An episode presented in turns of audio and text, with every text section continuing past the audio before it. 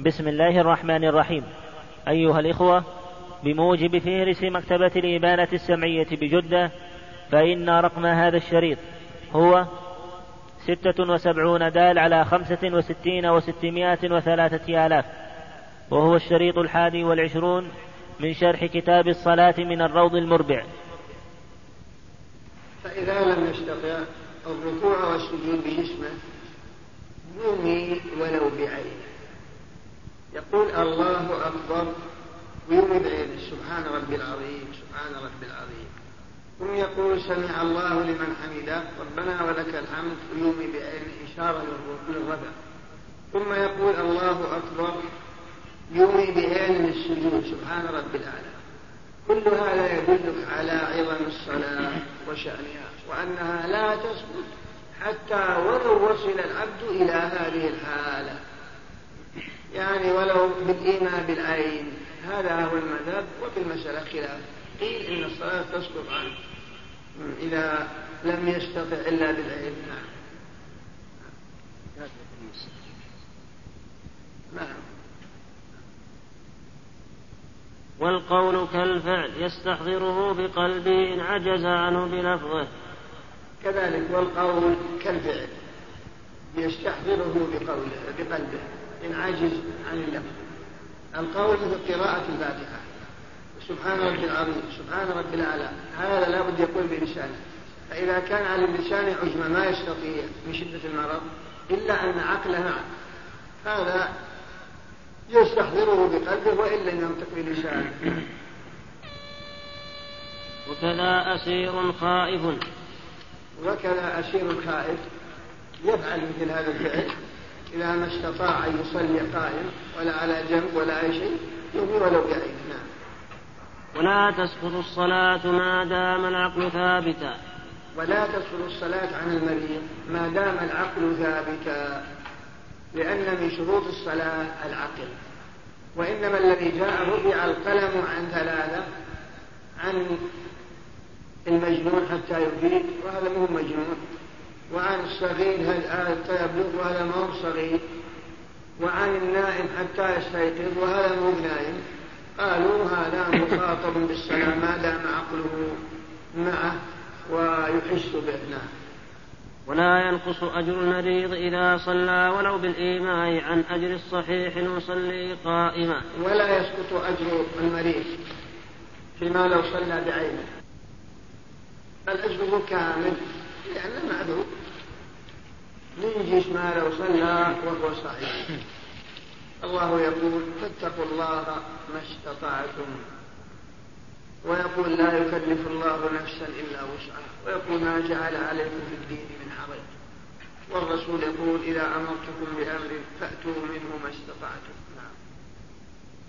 ولا بأس بالسجود على وسادة ونحوها. ولا بأس بالسجود على وسادة ونحوها. وقيل لا من لا يسجد على وسادة بل يومي هم يستدلون بقصة أم سلمة نعم. وإن رفع له شيء عن الأرض فسجد عليه ما أمكنه صح وكره. وإن رفع له شيء عن الأرض فسجد عليه ما أمكنه صح وكره. معنى ما أمكنه يعني يرفع له شاده شيء بيدك حتى يسجد عليه. معنى ما أمكنه؟ رفعتها ويستطيع ينزل أكثر ما يجوز. هذا المعنى كأن يكون يستقيم أي يهبط راسه في السجود بحيث لا يكون بينه وبين الأرض إلا موضع إلا مقدار شبر اتباع شبر وعاش ما يقدر. أنت رفعت قدر شبر ونص وينزل يستطيع يخبر راسه نص شبر زيادة هذا لا يجوز. أما إذا كان رفعتها بقدر منتهى استطاعته هذا لا يصح. وكره أنك ترى بل يمر بالإيمان. أما قول ولا بأس بالسجود على وسادة يعني إذا كانت ملاصقة للأرض ما رأى أحد. كأن تكون وسادة فوق وسادة ويضع جبهته عليه هذا لا بأس. فإن قدر المريض في أثناء الصلاة على قيام أو أو عجز عنه في أثنائها انتقل إلى الآخر. فإن عجز فإن قدر المريض في أثناء الصلاة على حالة يجب عليه أن ينتقل إليها. كما لو المريض ما يستطيع أن يصلي إلا جالس ثم بعدما صلى ركعتين أحس من نفسه النشاط. استطاع يقول يقول لك صل قائم قال الركعتين الأولى صليت أنا جالس. يقول عليك صحيح لأنك معذور. أما الآن زال العذر. أو أن مثلا يركع ويسجد بالإيمان وزال الألم اللي في ظهره أو في رقبته صار يستطيع أن يصل إلى في سجوده. يقول يلزمك نعم. فينتقل إلى القيام من قدر عليه وإلى الجلوس من عجز عن القيام. ويركع بلا قراءة من كان قرأ وإلا قرأ. ويركع بلا قراءة إن كان وإلا قرأ. معنى بلا قراءة يعني سبق أن قرأت وأنت جالس ثم صحيت. قلت قلت هل أكتفي بقراءتي؟ وأنا جالس والآن قال نقول نعم تكتفي بها. نعم. وتجزئ الفاتحة من, عج من عجز قائما في انحطاطه لا من صح فاتما في ارتفاعه وتصح فاتحة في حق من عجز وهو قائم في حالة انحطاطه. لا بالعكس. مثلا أنت قائم. صلي قائم. ثم أحسيتها مرة بميضان كنت تقرأ الفاتحة. ولا كملتها إلا وأنت منحط جالس. بعدما وصلت اهدنا الصراط المستقيم انحطيتها كملتها أقول جلوس اسم لأن الأولى في محله والآن هذا اللي في حدود استطاعتك بخلاف العكس. يعني أن تصلي جالس. قلت الحمد لله رب العالمين. الرحمن الرحيم مالك يوم الدين ثم أحسيت بالقوة القوة والنشاط. قمت وفي حالة القيام قلت مالك يوم الدين إياك نعبد بالله ما يجزيك بل لا بد أن تقرأ مالك بعدما تستتم قائم. ما دام أنك أسمعت نشيط. لأنك جئت بجزء من الفاتحة في حالة النهوض هذا لا يجزيك لجوال العذر حينئذ نعم من يجلس يقام الإمام بالركعة إلى حين انقضاء هذا مخطئ لك ما يجوز لكن تجزي عندهم تجزي إذا كان دخل مع الإمام بمقدار قراءة الفاتحة. لا ينبغي أن ينبه. قد ينبغي ما يقول ما أما الآن فنترككم مع مجلس آخر من هذا الشرح.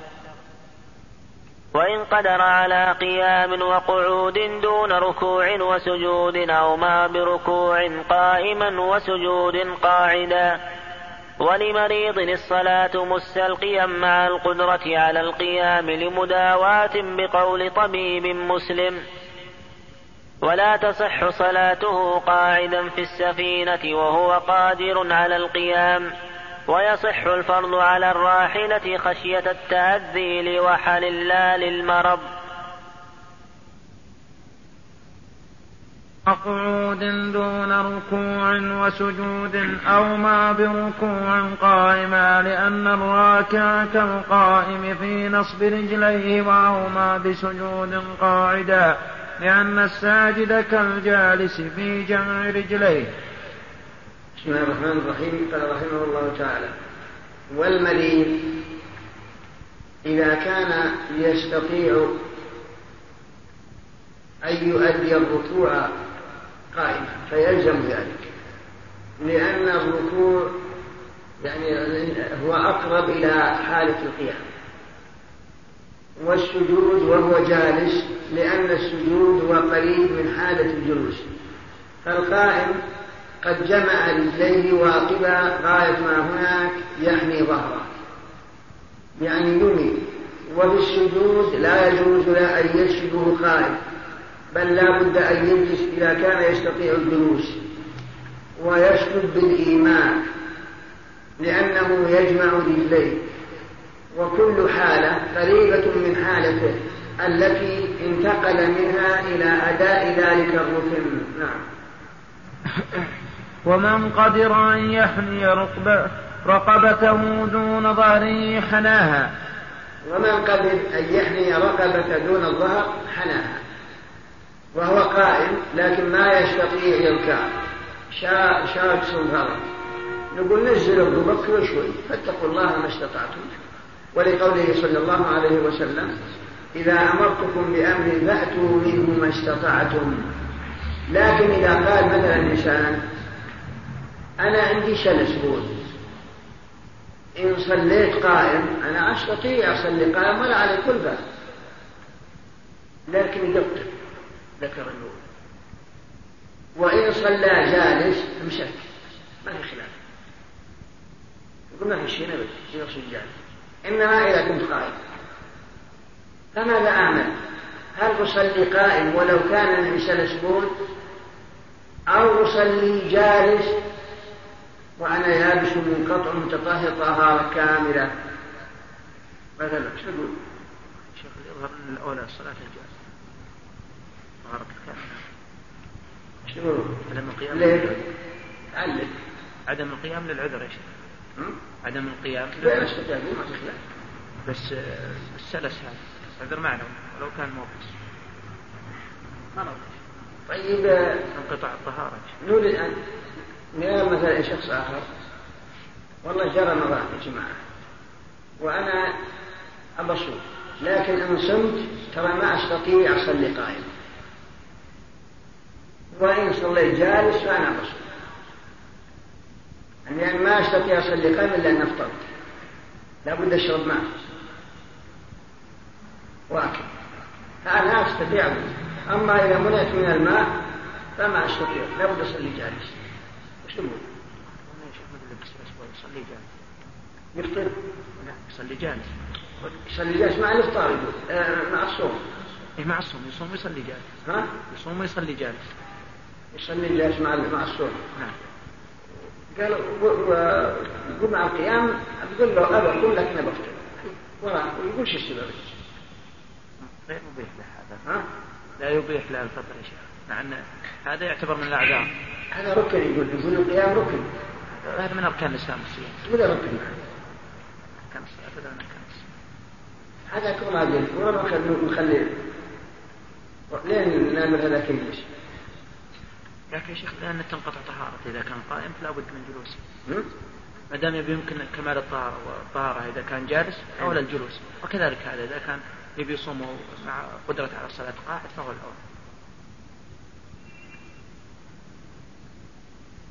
نعم ممكن. نقول له أن القيام له بديل. فبدلا من القيام الجلوس فيصلي جالس. إذا كان ينقطع سلس البول وكذلك الفطر في نهار رمضان قال ما أقدر دايم نعم.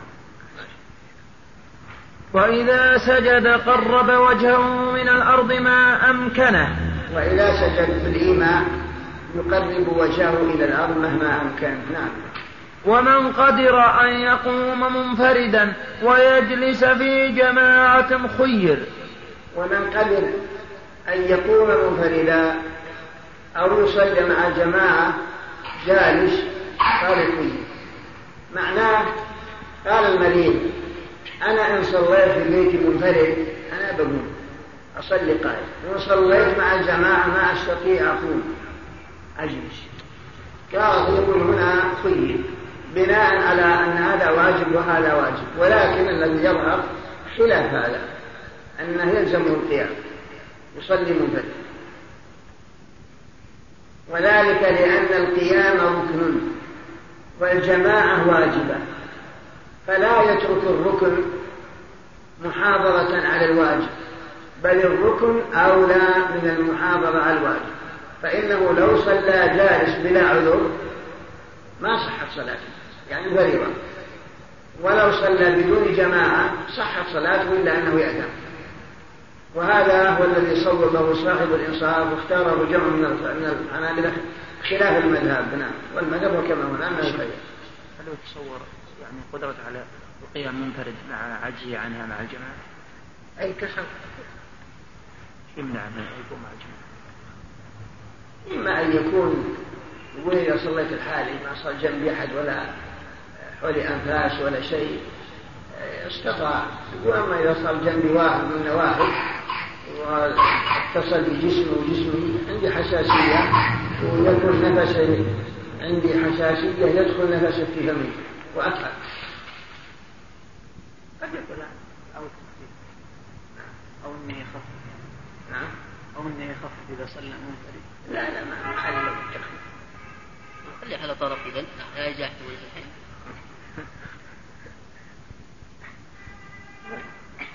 شيخ مو بالأولى أنه يأتي ويصلي خلف الصف؟ منفرد إذا أمكن.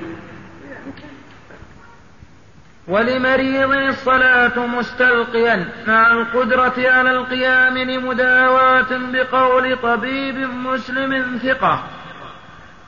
ولمريض الصلاة مستلقيا مع قدرته على القيام.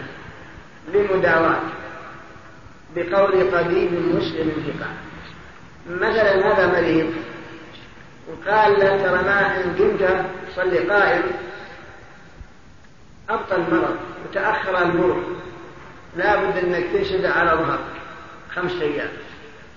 ومثله الذي يجي عملية عيون.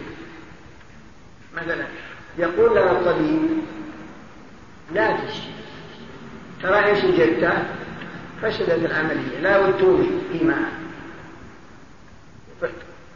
يقول أنا أستطيع أصلي ما في إخلاف بس ما في أي شيء.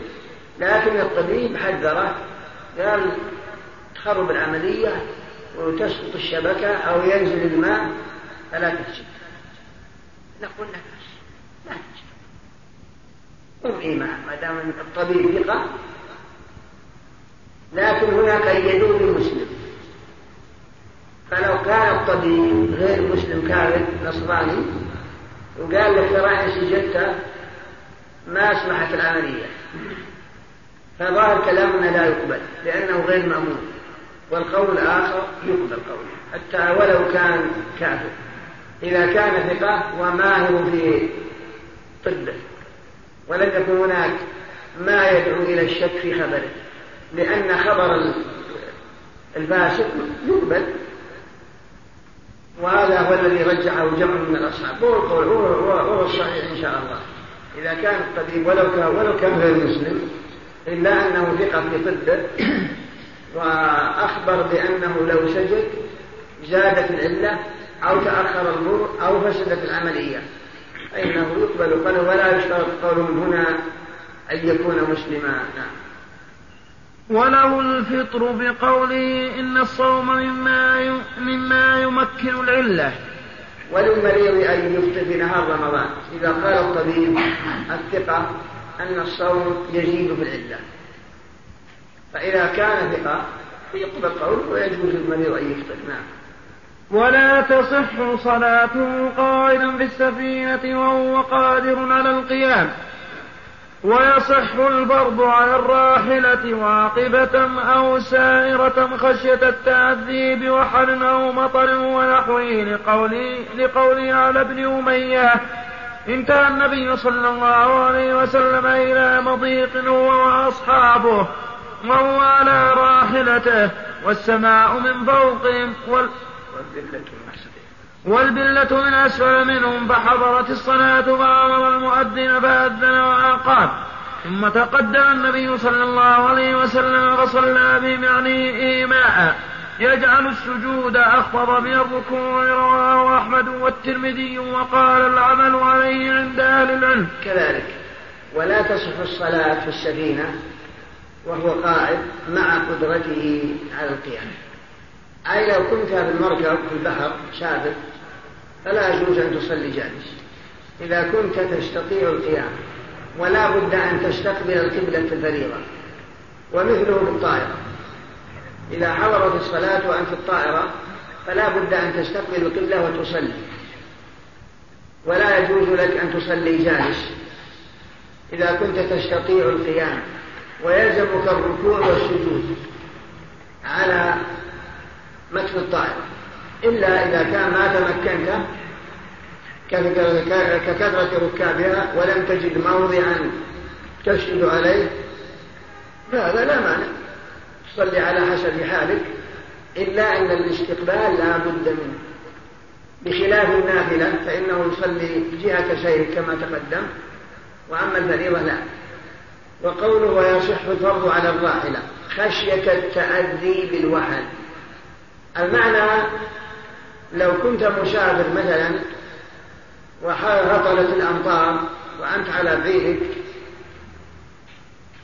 والأرض ما أطيل جاز لك أن تصلي الفريضة على ظهر البيت.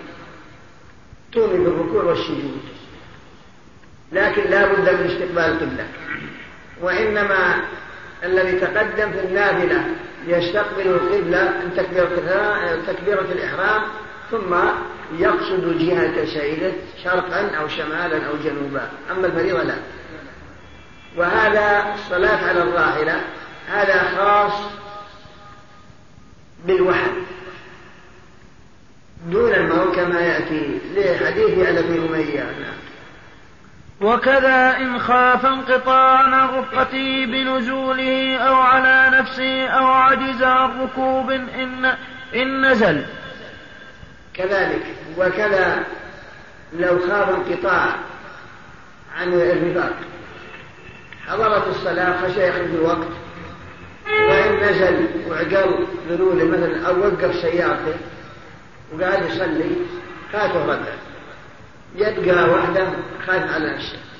فلا مانع يصلي ولو كان على ظهر راحلته أو على ظهر سيارته. إلا أن يستقبل القلة. هذا البر.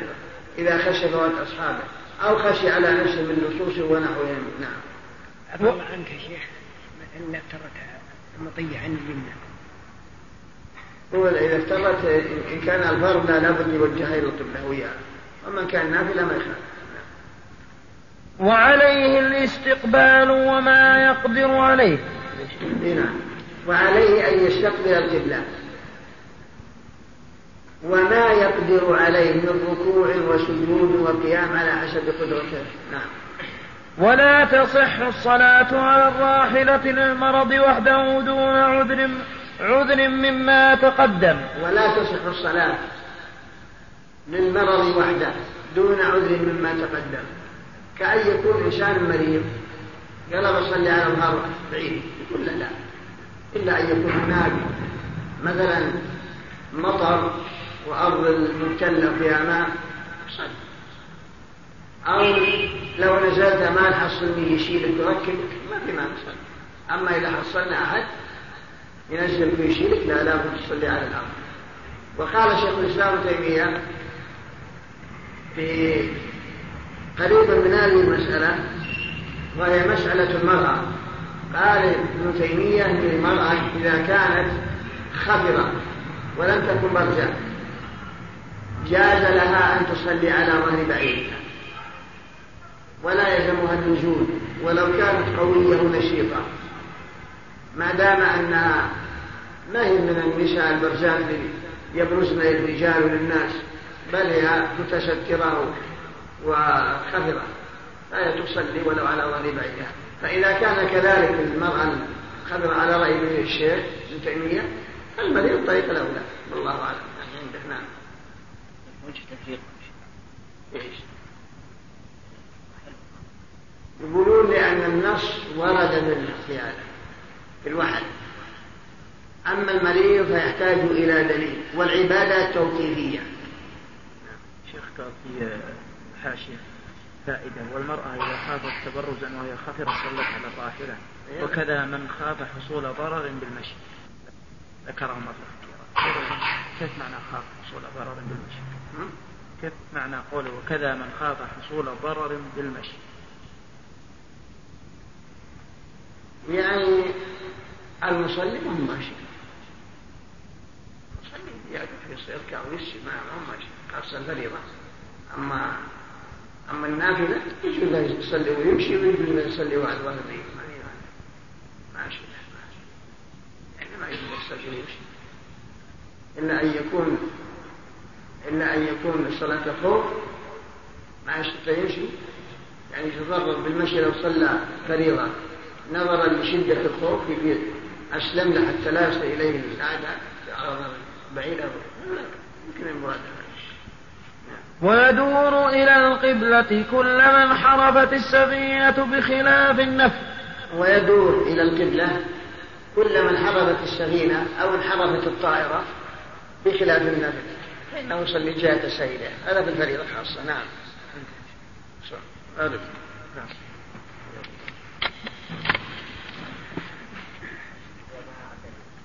نعم. إيش؟ الفريضة هنا. لابد يوجهه ويتوجه وياه أما النبي لا يستقبل القبلة أما الآن فنترككم مع مجلس آخر من هذا الشرح. فصل من سافر سفرا مباحا أربعة برد سن له قصر رباعية ركعتين إذا فارق عامر قريته أو خيام قومه. الرحمن الرحيم الحمد لله رب العالمين وصلى الله وسلم على نبينا محمد وعلى آله وصحبه قال رحمه الله. فصل في قصر المسافر الصلاة. وسنده قوله تعالى وإذا ضربتم في الأرض فليس عليكم جناح أن تقصروا من الصلاة. الآية. بسم الله الرحمن الرحيم. رحمه الله تعالى فصل في قصر الصلاة للمسافر هذا الفصل إيش يتضمن؟ يتضمن أحكام قصد الصلاة للمسافر متى يقصر؟ وما هي المسافة التي يقصر فيها المسافر؟ وهل يقصر في كل سفر سواء كان سفر مباح أو واجب كالحج المستطيع الفريضة أو مندوب أو كان سفر محرم. إلى غير ذلك مما يأتي بيانه. قصد الصلاة في السفر دل على مشروعيتها القرآن والسنة وإجماع الأمة. الله سبحانه وتعالى يقول يا أيها وإذا ضربتم في الأرض فليس عليكم جناح أن تقصروا من الصلاة. والنبي صلى الله عليه وسلم يقول إن الله يحب أن تؤتى رخصه كما يكره أن تؤتى معصيته. وكان صلى الله عليه وسلم يقصر الصلاة في أسفاره. ولم ينقل عنه أنه تم ولا مرة واحدة في السفر. وما جاء عن عائشة أن النبي صلى الله عليه وسلم كان يقصد بالصدر ويصوم ويفطر. فأخبرت بأنه يصوم ويفطر وأنه يقصر ويصوم بالسفر رد هذا العلماء خبر عائشة وقالوا لا يصح. فإن الرسول لم يثبت عنه أنه كان يتم بل يقصر الصلاة في أسفل فدل على أنه هو الأفضل. فالأفضل للمسافر أنه يقصر. وإن أتم الصلاة فلا بأس بذلك. الأمر إليه. لأنها رخصة من الله سبحانه وتعالى والله يحب أن تترك أما من أنها واجبة فلا لا يجب وإن ذهب إليه بعض الظاهرية كالإفطار في نهار رمضان فيرون الوجوب.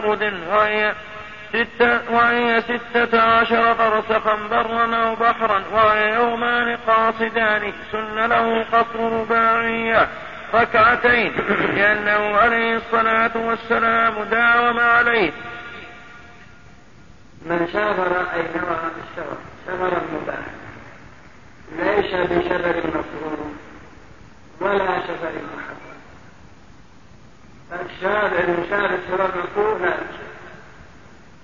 والذي سفره محرم لا يجوز له القصر.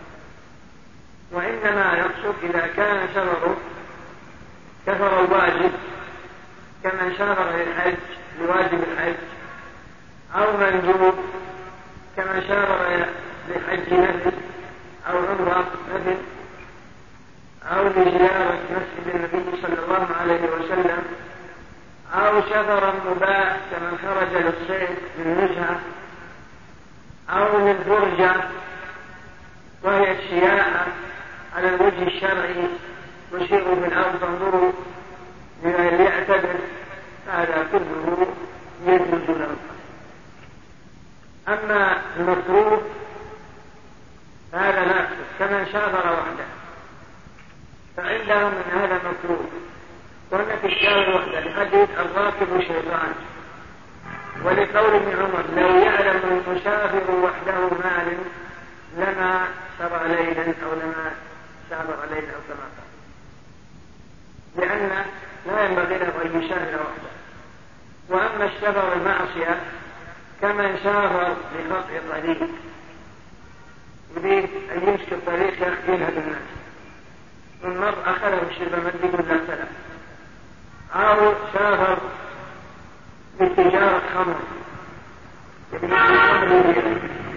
فهذا لا يجوز له أن يحصل لأنه عاص بسببه. ومذهب الإمام أبي حنيفة أنه يقصر ولو كان سفره سفر معصية. وهو اختيار ابن تيمية. يقول لا دخل للمعصية في رخص السفر ما دام أنه سافر فيقصر ولو كان سفره سفر معصية. نعم يعاقب على إرادة فعل المسجد سواء كان مسافر أو غير مسافر. فالسفر شيء رخصه وأحكام الشيء وتجارته بالمعاصي المحرمات كالخمر أو رقة طريق هو محرم عليه لا لأجل السفر بل لأجل ذات العمل الفعل. كما لو فعله في الحضر. هذا رأي ابن تيمية ومذهب أبي حنيفة. أما عندهم فلا. إذا كان سبب المعصية فلا يجوز. وعندهم من سفر المباح من المندوب عند الحنابلة. ولا شك أنه غلط كبير. كمن سافر بالمشاهد أو لزيارة القبور. فعندهم أن هذا السفر مشروع. لو سافر إنسان لزيارة قبر الخليل مثلا عندهم يقصر أو سافر للصلاة في مسجد الأموي أو المسجد الأزهر أو أي مسجد كان في المغرب أو في بغداد عندهم أنه يقصر أو سافر لزيارة قبر البدوي عندهم أنه يقصر أو مشهد مثلا مشهد علي. لكنهم لا يجوز دعاء غير الله لا. يقول لأن الرسول قال كنت نهيتكم عن زيارة القبور فزوروها والرسول كان يزور القبور فإذا شد الرحل لزيارة القبور وللمشاهد لا بأس. مشاهد الأولياء لا بأس. بل هذا سبب طاعة عندهم أنه يقصر وأن تعرف أن هذا غلط. ومن زلات العلماء الخطيرة. والصواب أن هذا سفر معصية. لا تقصر به الصلاة ولا يجوز. لقوله صلى الله عليه وسلم لا تشد الرحال إلا إلى ثلاثة مساجد. المسجد الحرام ومسجدي هذا والمسجد الأقصى. فهذا يدل على تحريم شد الرحل إلى أي موضع كان لأجل العبادة. لا إلا إلى ثلاثة هذه المساجد فإذا شد الرحل لزيارة البدوي أو السيدة زينب أو الحسين أو مشهد علي فالحديث يمنع من هذا لا تشد الرحال إلا إلى ثلاثة مساجد هم يقولون إن الرسول أمر بزيارة القبور ولم يخصص أن تكون القبور لا تحتاج إلى شد رحل. ما في مانع سواء كانت احتيجت إلى شد رحل أو لا وأجابوا عن هذا الحديث لا تشد الرحال. قالوا إن الحديث في حد وتقدير وأن التقدير معناه لا تشد الرحال لمسجد. لأن المستثنى من جنس المستثنى منه. فقول لا تشد الرحال إلا إلى ثلاثة مساجد فهذا هو المستثنى إلا إلى ثلاثة مساجد. فيكون المحذوف من جنس المستثنى. يكون المعنى لا تشد الرحال لمسجد إلا إلى ثلاثة مساجد. فالمحققون يقولون حجرتم واسع بل الحديث المسجد أو غيره لماذا؟ قال لأنه موضع عبادة. وموضع قربى المسجد. طيب نقول لهم المعنى حينئذ لا تشد الرحال لموضع يتقرب فيه إلى الله إلا إلى ثلاثة مساجد لأن لأننا نعتبر الأعام والغرض الذي بنيت لأجله المساجد فالمساجد بنيت للتقرب إلى الله فيها من تلاوة قرآن وصلاة. إذا نقدر الحديث لا تشد الرحال لموضع يتقرب به إلى الله إلا المواضع التي هي المساجد أمرنا هذا؟ هذا واضح. فلهذا يبطل قولهم. ثم أيضا نقول لهم إن الصحابة رضي الله عنهم لم ينقل أنهم ذهبوا إلى المشاهد أو إلى القبور شدوا الرحل قبور الأنبياء أو لغيرهم أبدا. نعم جاء في حديث بصرة بن أبي بصرة أنه ذهب إلى رجل فقال له لو أدركتك ما ذهب سمعت رسول الله صلى الله عليه وسلم يقول لا تشد إنما تشد الرحال إلا إلى ثلاثة مساجد فأنكر عليه. كل هذا يدل على أن شد الرحل إلى غير المساجد الثلاثة أنه محرم. كذلك أيضا أوردوا المخالفون قالوا أنتم تقولون أنتم تقولون أن تقليل الحديث. لا تشد الرحال لموضع يتقرب فيه إلى الله. بناء منكم على أن المساجد مواضع يتقرب بها. قلنا لهم نعم. قال إذا أنتم تمنعون الحج. لأنها مواضع يتقرب فيها إلى الله كعرفة. مثلا هنا نقول لهم نعم. هذه جاءت بها النصوص عينا. في داخلة المسجد الحرام وهي من توابع المسجد الحرام. والنصوص جاءت في هذا. قالوا إذا تمنعون شد الرحل لطلب العلم. لأنكم تخصصون بموضع نقول نعم هذا معنى. فالذي يشد الرحل لطلب العلم لا بأس به. ما شده لموضع خاص يتقرب به إلى الله. إنما ذهب لتطلب العلم وأخذه من أفواه الرجال في أي مكان. وهو غرض صحيح ومعنى شامل ولم يقصد جهة معينة أو موضعا معين يصلي فيه ويتعبد يتعبد به. كقولكم أنه يشد الرحم إلى القبر. هل يتعلم ويطلب العلم من القبر؟ فلهذا بطل احتجاج وقد وقع لابن رجب الحنبلي والعراقي مناظرة في هذه المسألة. وهو أن العراقي كان زميلا لابن رجب. سافروا من مكة إلى المدينة وكان الاثنين على ظهر جبل في وكل منهم في هودج. فجعل يبحثون قال ابن رجب أنا لم أقصد قبر الرسول. وإنما قصدت المسجد. قال العراقي بل أنا أقصد قبر الرسول ولم أقصد المسجد. وهم كلهم جميع على فحصل بينهم مناظرة في هذا. هذا يقول المسجد وهذا يقول القبر فكل منهم جعل يدلل ويعلل ويرد قول صاحبه. بخلاف المغرب والصبح فلا يقصران إجماعا قاله ابن المنذر. أما المغرب والفجر هذه لا تقصر إجماعا وإنما المغرب يقصر الرباعية فقط كالظهر والعصر والعشاء. نعم.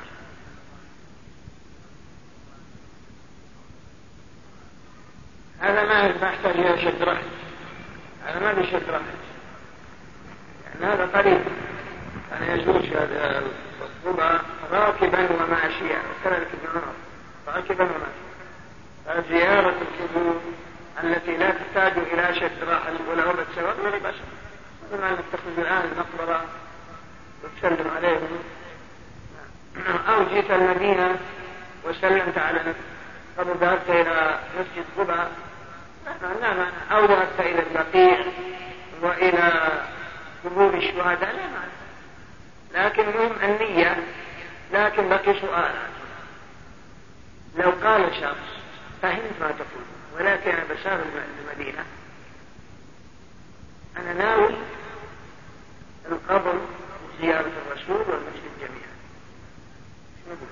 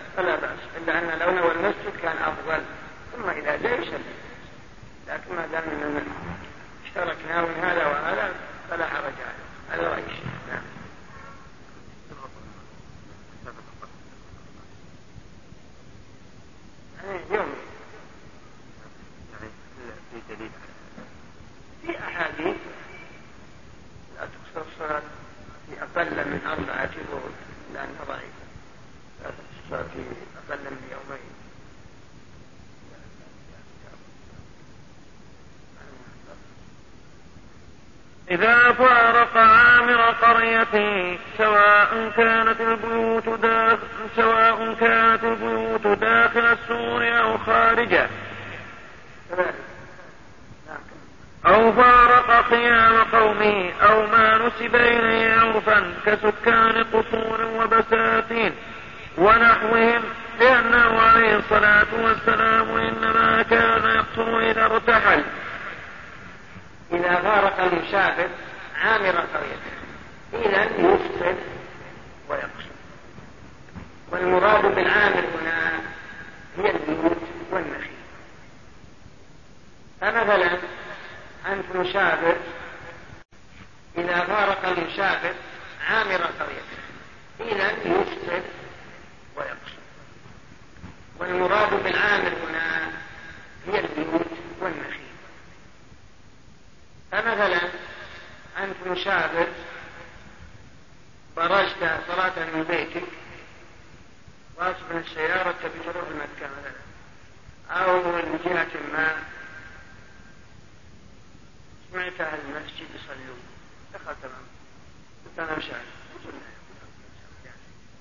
تبي تقصر أو بيصلي على المسجد الذي طرف البلد وهو يسمح يعني مثل المسافر يقول لا.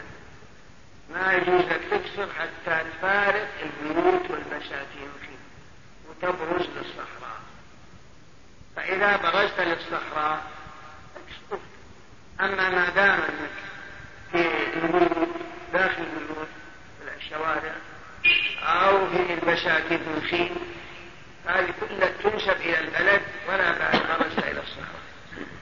فإذا برزت إلى الصحراء إذا جاز لك الإفطار.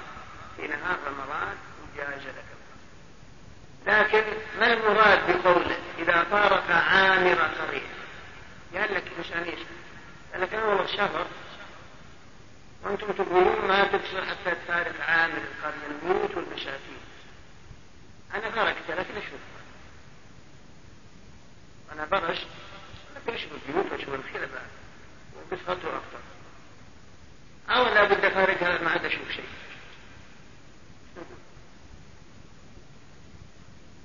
هنا لا بأس أنا فارق في البلد لكن هذه أشوف البيوت وأشوف النخيل ولا عاد اللي عاد وراي ما عاد أنا في الصحراء لكن أشوف فهل أكثر وأفطر أو لا بد تغيب عن بصري؟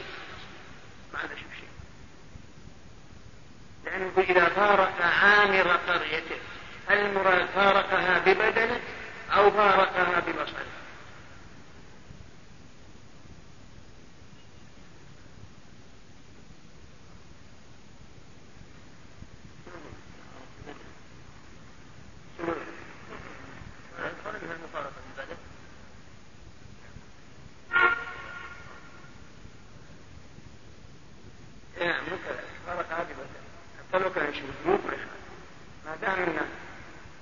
انفصل عن البلد وعن بساتينها وبرز للصحراء مجرد رؤية للبيت البيوت علامات البلد هذا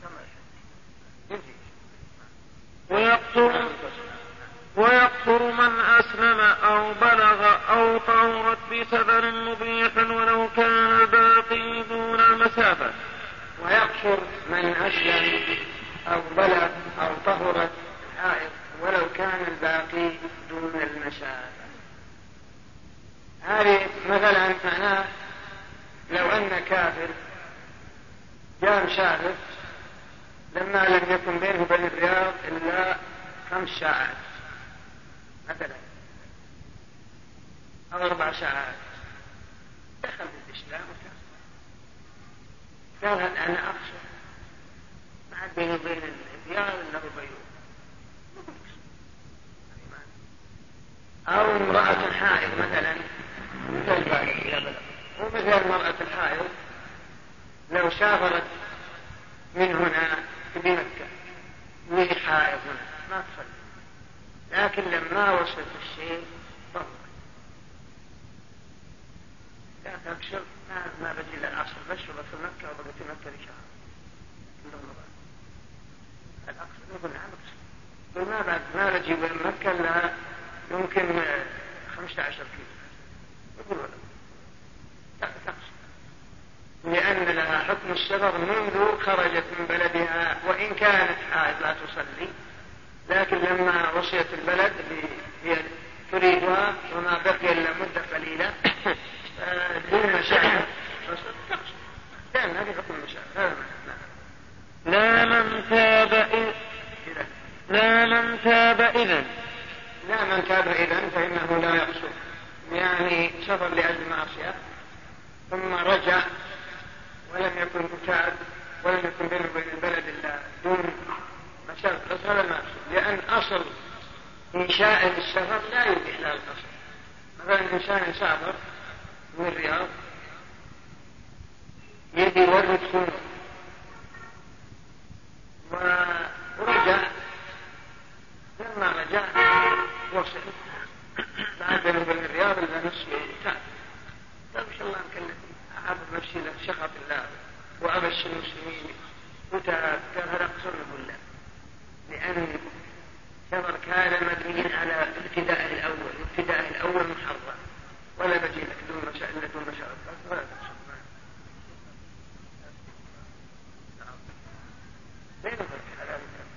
العاصي مسلم ويلزم أن يصلي وكان أصلا ما عنده دماغ.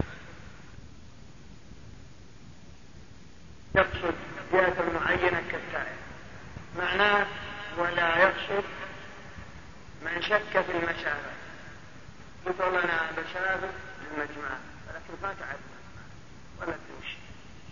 طيب كم بينك وبين الأوتار ما أعرف ممكن يوم ممكن خمسة أيام ممكن أقل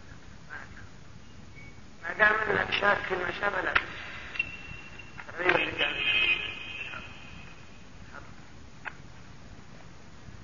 لا يجوز. إلا إذا تحققت عند ابتداء الشهر اللي بين يومين أما إذا كانت ما تدري قد يحتمل أن تكون يوم يوم يومين ما عندك حتى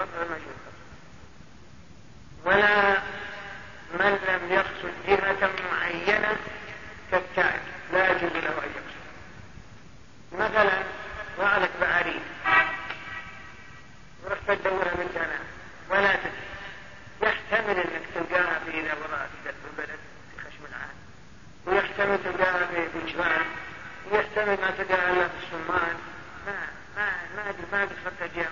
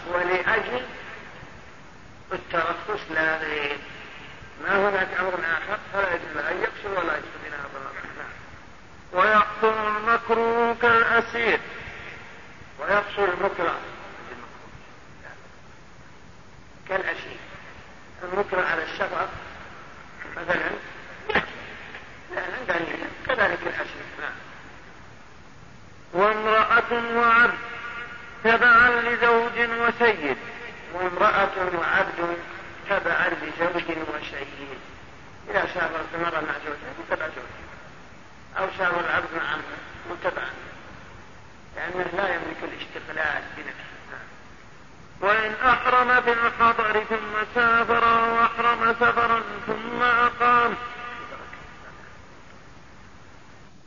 أما الآن فنترككم مع مجلس آخر من هذا الشرح. وإن أحرم ثم سافر أو في سفر ثم أقام أو ذكر صلاة حضر في سفر أو عكسها أو ائتم بمقيم أو بمن يشك فيه أو أحرم بصلاة يلزمه إتمامها ففسدت وأعادها أو لم ينوي القصر عند إحرامها أو شك في نيته أو نوى إقامة أكثر من أربعة أيام أو من لاح معه أهله لا ينوي الإقامة ببلد لزمه أن يتم بسم الله الرحمن الرحيم. الحمد لله رب العالمين وصلى الله وسلم على أشرف الأنبياء والمرسلين نبينا محمد وعلى آله وصحبه. قال رحمه الله تعالى وإن أحرم في الحضر ثم سافر أو أحرم سفرا ثم أقام أتم لأنهم لأنها عبادة اجتمع اجتمع لها حكم الحضر والسفر. فغلب حكم الحضر. الرحمن الرحيم قال رحمه الله تعالى: وإن أحرم في الحضر ثم سافر أو أحرم مسافرا ثم حضر يلزمه في كلا الصورتين الإتمام ولا يجوز له القصر حينئذ. ومعنى هذا وإن أحرم بالحضر لو كنت مثلا تبي تسافر ركبت الباخرة في الدمام أو في جدة. ركبت الباخرة ولكن أنت لا تزال في البلد. تشوف البلد وفي الميناء ما تعتبر أنك سافرت كبرت تصلي في الباخرة. مشت الباخرة وأنت تصلي. وش تقول القبلة غاب عنك البلد فارقت البنيان وفارقت كل شيء في نفس الصلاة. قلتها أنا أتم ولا لا؟ نقول لا. أو أقصد نقول لا لا لا, لا تقصد لأن تكبيرة الإحرام وقعت وأنت في الحضر ما بعد سافر إنما سافرت في أثناء الصلاة لأنك راكب الباخرة. يوم تركب الباخرة ابتداء وأنت في البلد. لكنها مشت في نفس الصلاة يلزمك الإتمام. هذا معناه وإن أحرم حضرا. أو مثلا ركبت الطائرة والمطار في البلد. محيط بالبيوت. وخشيت يخرج الوقت كبرت في الطائرة تصلي أقلعت الطائرة.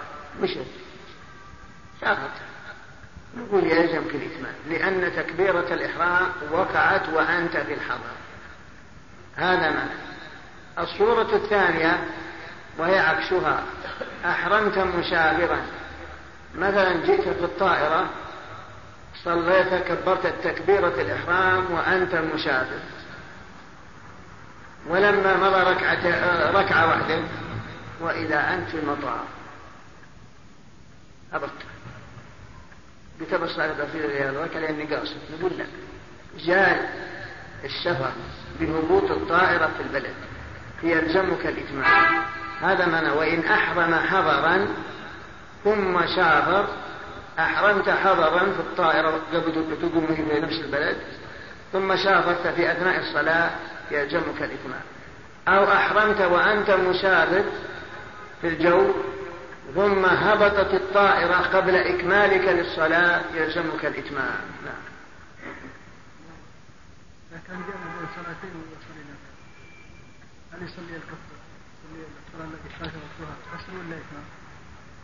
لا لا ما في سؤال ما في سؤال. يعني جمع بين الظهر والعصر أخر الظهر إلى العصر. وجاي من جدة وصل إلى الرياض. لا يلزم الاتمام لا يلزم الاتمام ما دام إنها وصل البلد قبل يصلي الظهر قبل يصلي الظهر وهو مأخر الجمع هذا يلزم الاتمام في الصلاتين كلها شو؟ خرج حتى ولو خرج.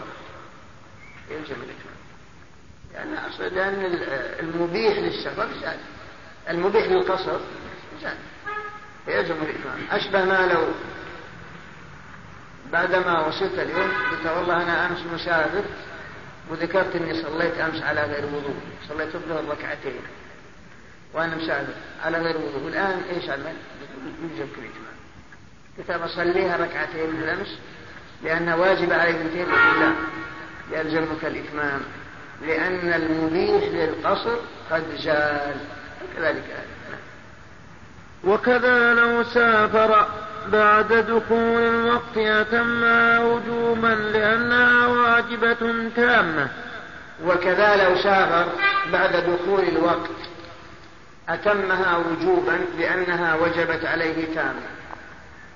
معنى هذا لو مثلا سافرت بعد زوال الشمس اليوم الساعة مثلا ست ونصف يعني غروبي لأن الوقت الآن تقريبا ست وثلث أو ستون بين الغروب يعني بعدما زالت الشمس سافرت ركبت السيارة سافر لمكة ولا إلى جهة ما؟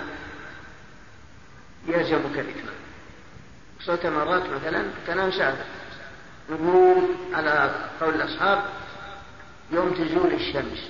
وينك؟ في في الرياض والآن تبي تصلي نقول لا يجب الإتمام ما دام أن الوقت دخل عليك قبل السفر ولا سافرت إلا بعد دخول الوقت فيلزمك الإتمام ولا يجوز لك القصر وجوبا.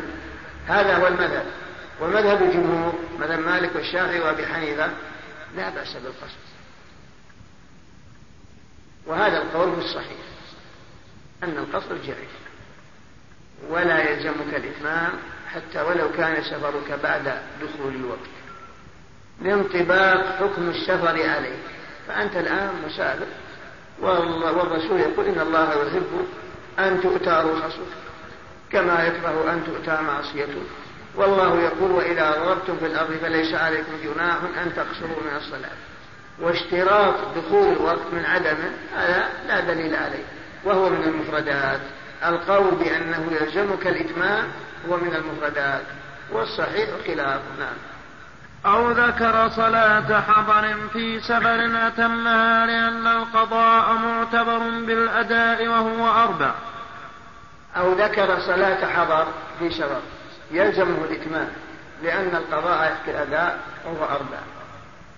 فمثلا سافرت أنت الآن مسافر ذكرت أن صلاة العصر ما صليتها أو صليتها على غير وضوء. هل أصليها ركعتين؟ لأن الآن مسافر يقول لا يلزمك الإتمام لأنها وجبت عليك تامة. نعم. المسألة السابقة. أو وجبت عليه الظهر ركعتين في السفر.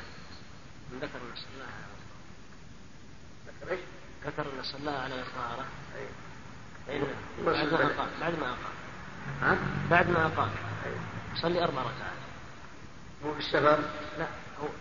وجبت عليه ركعتين في السفر أيوة. ثم أقام. قال إيه؟ يلزم الإتمام نعم لكن إنكار الفريق بين المسألتين قلنا من القضاء يحكم. إيه. ما بين. ما بين ما بين وجبت عليه ركعتين.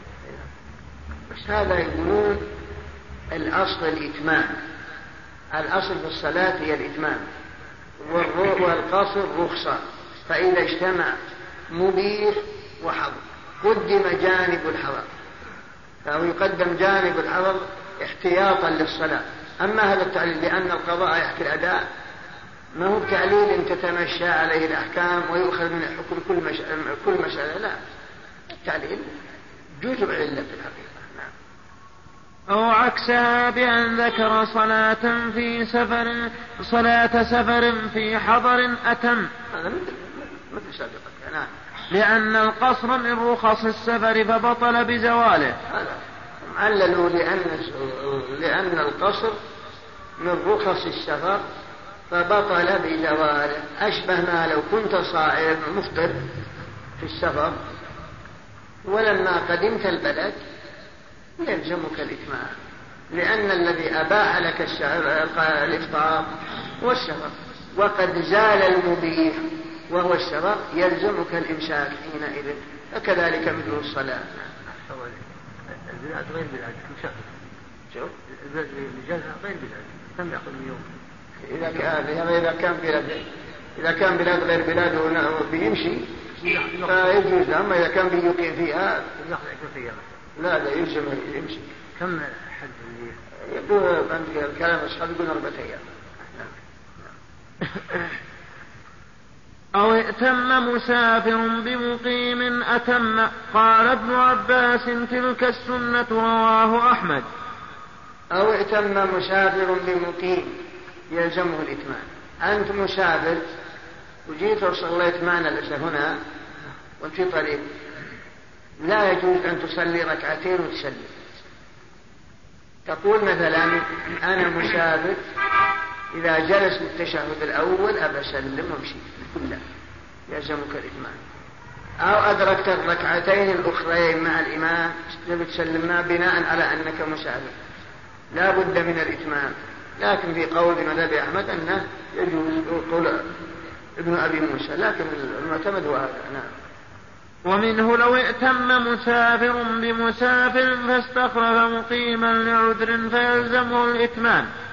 ومنه لو ائتم مسافر بمسافر ثم إن الإمام المسافر استخلف مقيما فيلزمه الإتمام.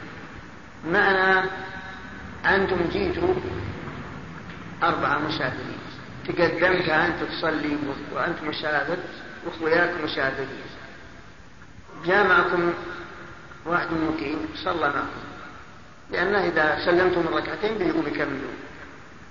لكن غلبك الحدث ولم تحدث فاستخلفت هذا المقيم.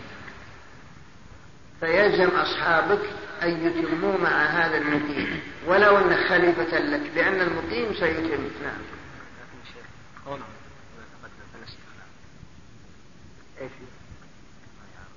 لا ليس لها عدم القول ما نفى الاستخلاف هذا إذا سبق الحدث. هذا اللي يقول لك الاستخلاف. ما المسافر يعني. أو ائتم مسافر بمن شك فيه أي في إقامته وسفره لزمه أن يتم؟ و- أو ائتم مسافر بمن شك فيه أي في إقامته وسفره لزمه أن يتم. أو ائتم مسافر بمن شك في إقامته. أو سفره لزمه أن يتم. أنت مسافر وجيت ناس يصلون قلت والله ما أدري عن اللي هو مسافر ولا مقيم؟ عندك شك يلزمك الإتمام مثلا جي مكة وصليت مريتها مرأة في مسجد البراني ولقيت ناس يصلوا فيه. قلت والله ما في عندي إمام لو مسافر مثلي لأنه على طريق أو ذا متعب فعندهم أنه يلزمك الإتمام حتى ولو ثبت أنه مسافر لأنك حين دخولك للصلاة وأنت متردد هل تتم ولا لا؟ ما أدري على إمامك. الله عنك. صحيح في مسألة لا. اشترط لا يسبقه الحدث إيه، عندهم لابد انه لا يسبقه الحدث إذا صار مثلا خشي واستخلف هذا لا بأس. أما إذا سبقه الحدث وأحدث بطلت صلاته وصلاة من خلفه. هذا عندهم. والله أنا أقول هذا وجه بعض المسلمين بقصه عمر. لكن قصة عمر ما فيها دلالة من كل وجه إنما هو دم. والدم مو من جنس العذرة ومن جنس الخارج من السبيلين. فأكثر العلماء يعتبرون إن الدم مو بناقض المذهب يعتبرون ناقض إيه المذهب يعتبرون ناقض نعم.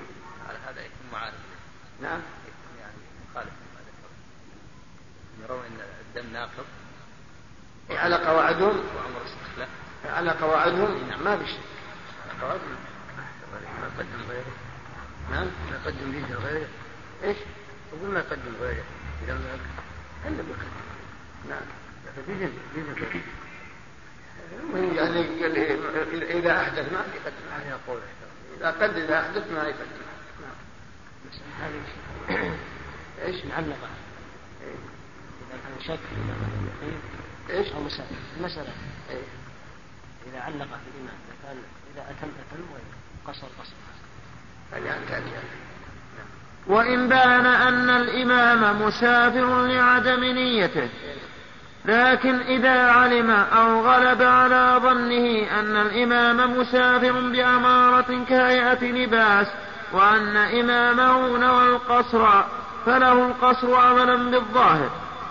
هذا مستثناة من سابقتها قلنا تقدم أن أن المسافر إذا شك هل الإمام مقيم أو مسافر أنه يلزم الإتمام.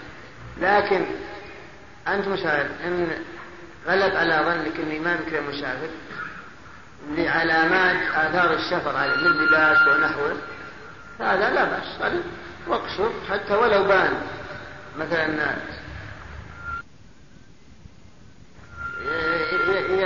لا يضر إذا إذا بان أنه مسافر نعم.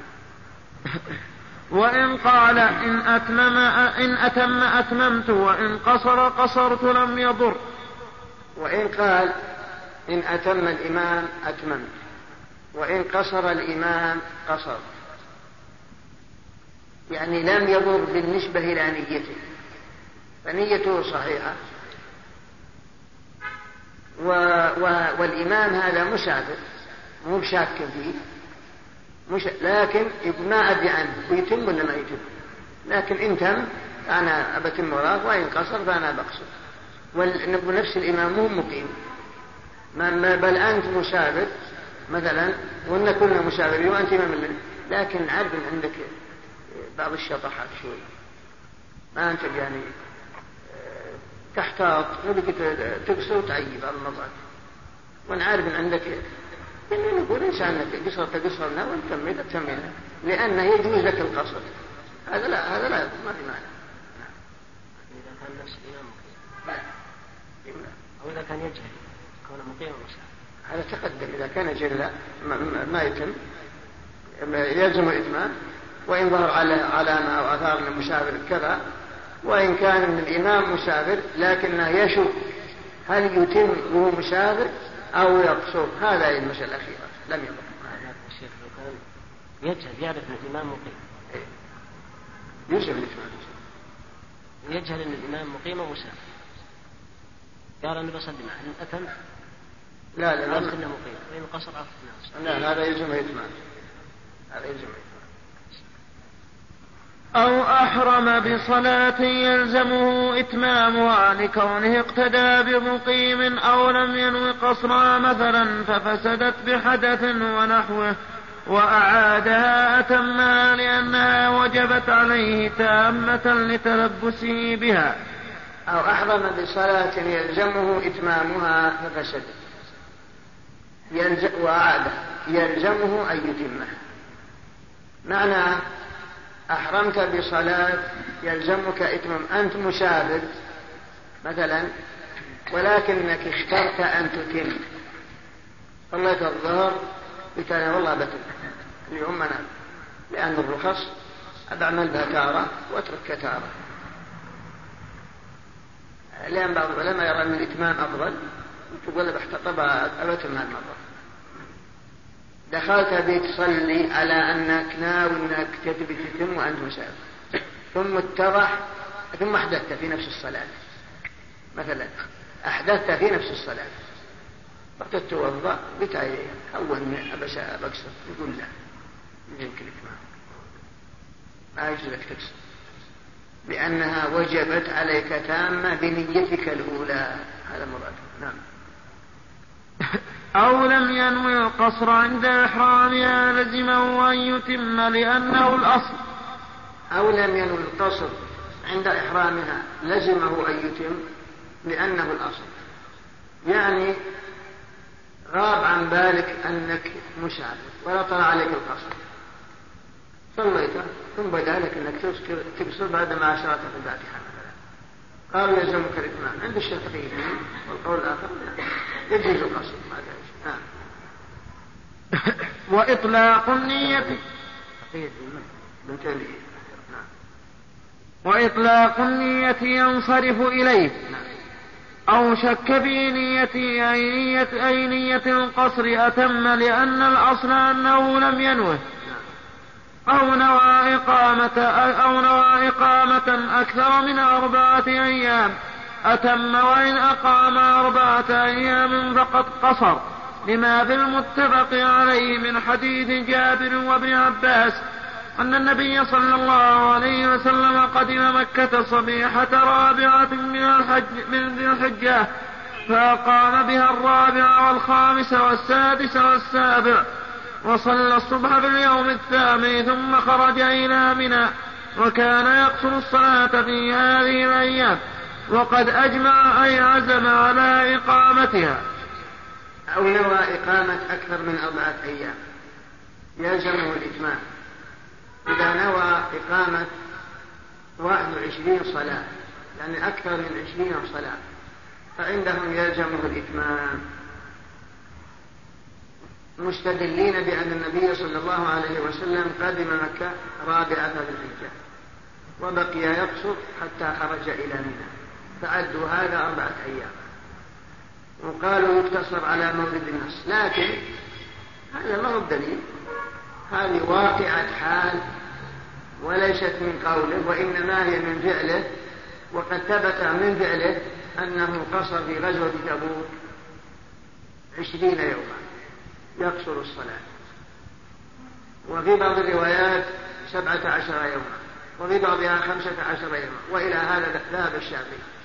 والحاصل أن الذي رجحه الكثيرون أن التحديد بأربعة أيام لا دليل عليه وأن حديث جابر هذا لا يصلح للدلالة إنما ما في لو كان الرسول بكي أكثر من هذا أنه أنه يتم. وإنما خرج إلى منى بل يحتمل لو كان أكثر من هذا لقصر بدليل أنه قصر صلى الله عليه وسلم في تبوك وفي كثير من غزواته وهو أكثر من هذه المدة. إلا أنهم يجيبون يقولون لا يدري متى يرحل لكن هذه يقول لا يدري مجرد دعوة. فالنبي صلى الله عليه وسلم قصر في تبوك أكثر من عشرة أيام بل خمسة عشر يوم كما في حديث عمران وعند أبي داود سبعة عشر. وفي بعض الروايات تسعة عشر الحاصل أن إذا أقام ولم ينوي الإقامة ولو كان أكثر من أربعة أيام صحيح أنه يجوز له القصر. نعم.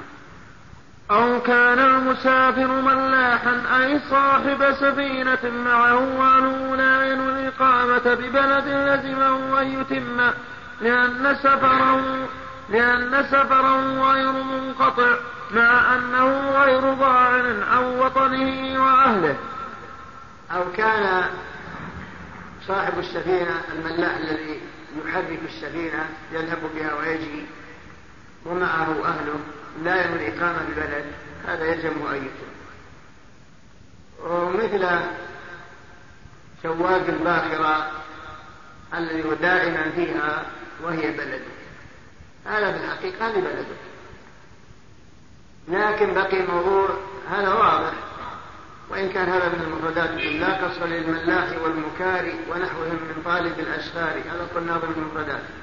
لكن المهم, المهم أصحاب السيارات يكلون إذا كان عندهم سلسلة ودائما يشتغل من هنا إلى الدمام ومن الدمام إلى جدة ومن جدة إلى أبها ومن وهذا ديدان وهذه مهنته وهذا سبب معيشته. شو هل يقصد ويفطر أو نقول لا ما معنى هذا؟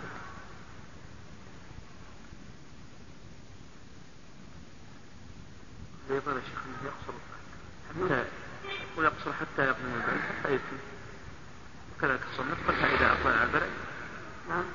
أقول وكذلك الصوم. ما دام مسافر ترى حكم السنة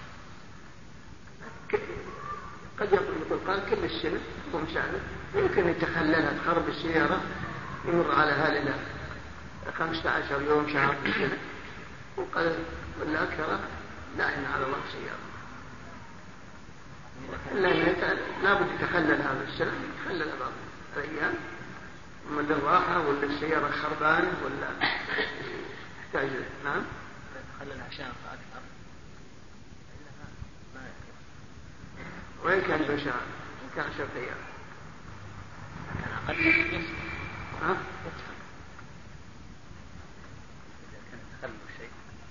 إذا كان تخلوا شيء. عفى الله عنك فهو مسافر. ولو يوم أو يومين عند أهله إذا كان إذا كان بلده هي سيارة بيته هي سيارته ولا وليس له أهل. هذا مثل مثل الملاح أما إذا كان يتخلل سفر مثلا مدة يجلس فيها يومين ثلاثة أربعة خمسة عند أهله أو كذا فهذا يعتبر مسافر لها الأم أو ما لا زوج لكن لهم مؤذن يمر عليهم بعض الحالات يشتري عندهم يومين ثلاث إذا مر عليهم.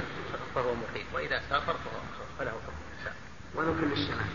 ولو كل سنة يقول هذا الذي الذي يبقى اي نعم ممكن. هذا ما مين بلدي. سيارة مين بلدي.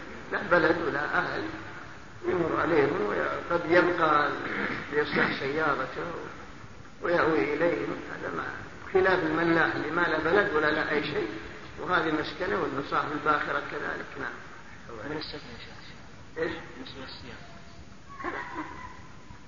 كان مقرر كل سنة شهر ونصف يقضي فيها إذا ما يجوز له. يجوز الإفطار ما في شك يجوز الإفطار لكن هو إذا حضر إلى البلد يلزم القضاء فلو فرضنا مثلا آتى ودائما مسافر بيجي رمضان ومسافر يلزمه يصوم ولو كان مسافر؟ خشية أن يأتي رمضان قبل أن يصوم رمضان الماضي إذا كان هناك ساعة بيتي إيش؟ البيت إذا خرج من وأنا ساكن هنا لقيت هنا بكسر ولا في عند صبياني وعند الخالي وعند مسكين في ذلك لكن أسافر يمن وأخذ عشر أيام وشهر هذا كل لكن عفى الله في تحديد مدة الإقامة للمسافر ولو أنا أقول شاء الله يقدرون سبعة عشر يوم. رجح هذا الحج والثلاث هذا واقع. الحين يقول أكثر ما ورد فيقتصر على مورد النص هذا أكثر ما ورد. هذيك لو ما ورد أكثر منها كان قلنا يكفي أربعة أيام. ما دام ما ورد أكثر منها ما الحين أي ولو كانت لأن مأمور باتباع الرسول من قوله وفعله هذاك كان نقول أربعة أيام مثل ما قالوا الحنابلة. وإن قلنا أنها وقعت فعله لأن ما لقد كان لكم في رسول الله أسوة حسنة. لكن وجدنا من فعله أكثر منها. فنأخذ بالأكثر فإن جاءنا بعد أحاديث صحيحة أكثر أخذنا بها ومثله كالا وراعا ورسول سلطان ونحوهم. ويتم المسافر إذا مر بوطنه أو ببلد له به امرأة أو كان قد تزوج فيه أو نوى الإتمام ولو في أثنائها بعد نية القصد ويتم المسافر إذا مر ببلده كما لو كنت ساكن هنا ويالك هنا جيت من مكة تروح المجمع. تتم بطريق لا قالوا أو بلد كان قد تز... أو بلد تزوج فيه أو كان قد تزوج فيه هذا يحتاج إلى دليل أو كان قد تزوج وهل لأنوار عبارتهم؟ لو تركت المجمعة نهائيا. مريته وسبق أن تزوجت فيها وطلقتها أو ماتت تتم فهذا ما ولهذا بعض المحسنين يقول بياضة كان يقول هذه زائدة والمراد أو تزوج به يعني أنك إذا جئت بلد تزوجت فيها فإنك تتم. أما إذا كان سبق أن تزوجت بها وفارقتها ولم يكن لك بها فلا بأس بالإتمام. خلافا للعبارة هذه يقول أو كان قد تزوج بها. نعم. أو نوى لأن الرسول صلى الله عليه وسلم جاء مكة وقصر وقد تزوج تزوج خديجة مدة طويلة وهي بلده أيضا. ومع هذا في فتح مكة كان يصلي بالناس قصرا. وأهل مكة ما قال أتموا يا أهل مكة فإنا قوم مسافر ولا به أنه قصر أنه أتم مع أنها بلده ومع أنه قد تزوج فيها نعم. أو نوى الإتمام ولو في أثنائها بعد نية القصر أو نوى الإتمام. إيش أو نوى الإتمام؟ أو نوى الإتمام ولو في أثنائها بعد نية القصر أو نوى الإتمام ولو في أثناء الصلاة. بعد نية القصر مثل ما تقدم وإن أحرم حضرا. أو أحرم مسافرا ثم حضر. يلزم الإتمام هذه مثل سابقتها يعني. أما الآن فنترككم مع مجلس آخر من هذا الشرح. وإن كان له طريقان فسلكا بعدهما أو ذكر صلاة سفر في آخر قصر وإن حبس ولم ينوي إقامة أو أقام لقضاء حاجة بلا نية إقامة قصر أبدا. الحمد لله رب العالمين وصلى الله وسلم على أشرف الأنبياء والمرسلين. نبينا محمد وعلى آله وصحبه قال رحمه الله تعالى وإن كان له طريقان بعيد وقريب فسلك بعدهما قصر لأنه سافر سفرا بعيدا. بسم الله الرحمن الرحيم. قال رحمه الله تعالى وإن كان وإن كان للبلد التي سافر فلها طريقان طريق قريب لا تقصر به الصلاة وطريق بعيد تقصر به الصلاة. وسلكت الأبعد جاز لك القصر. وإن كان لها طريق أقرب من هذا. لأنك في الحقيقة مسافر ولا مانع من القصر والإفطار في نهار رمضان والمسح على الخفين ثلاثة أيام بلياليها.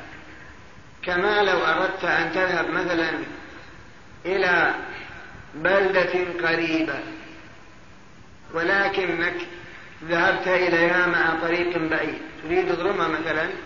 اضرب أنها قريب أو أقل منها يعني على سبيل المثال ولكنك سلكت من مكة طريق سليم وجيت من يمشي أقرأ ونزلت عليها منه يعني لو رحت قصد قصد هنا قريب يعني قد تكون دون مسافة قصد. لكن أنت تتمنى من جهة حرين على ذلك على طلعته مع طريق الحجاز اللي يلتقي مع شجرة ونجيت منه ونزلت عليه لا بأس. ما في معنى القصر لأنك حكم المسافر وسلوكك هذا الطريق لغرض ما ويعتبر أنك مسافر و... ولا مانع من القصر وأخذ أخذ برخص السفر والآلة هذا وهذا ما نقول وإن كان له طريقان فسلك أبعدهما أبعد الطريقين. قصر نعم. أو ذكر صلاة سفر في سفر آخر قصر لأن وجوبها وفعلها وجدا في السفر كما لو قضاها فيه بنفسه قال ابن تميم وغيره. وقضاء بعض وقضاء بعض الصلاة في ذلك كقضاء جميعها اقتصر عليه في المبدع وفيه شيء. كذلك. أو ذكر صلاة سفر في سفر آخر قصر لأنها وجبت عليه وهي كذلك يعني لم يزم إلا ركعتين وآلة القضاء كذلك أيضا. المعنى لو جئت من مكة مثلا وبقيت هنا عشرة أيام وأردت أن تذهب إلى القصيم وفي أثناء الطريق ذكرت أنك يوم الثلاث يوم السبت دور اليوم الظهر أنك صليت على غير وضوء حينما كنت في السفر وأنت الآن في السفر بما أقضاها طيب أقضاها أقضيها كاملة؟ لأنها وجبت عليك قصرا. يعني و... و... لك القصر في حالة الوجود والآن في حالة القضاء يشرع في حقك القصر. لا مانع. هذا من أو ذكر صلاة سفر في آخر قصر أما قول ابن هذا الذي نظره الشارع قال فيه شيء هو أنه أيضا يقصد لو ذكر صلاة سفر في سفر آخر وصلى بعضها وبعضها بالحضر. قال يقصد.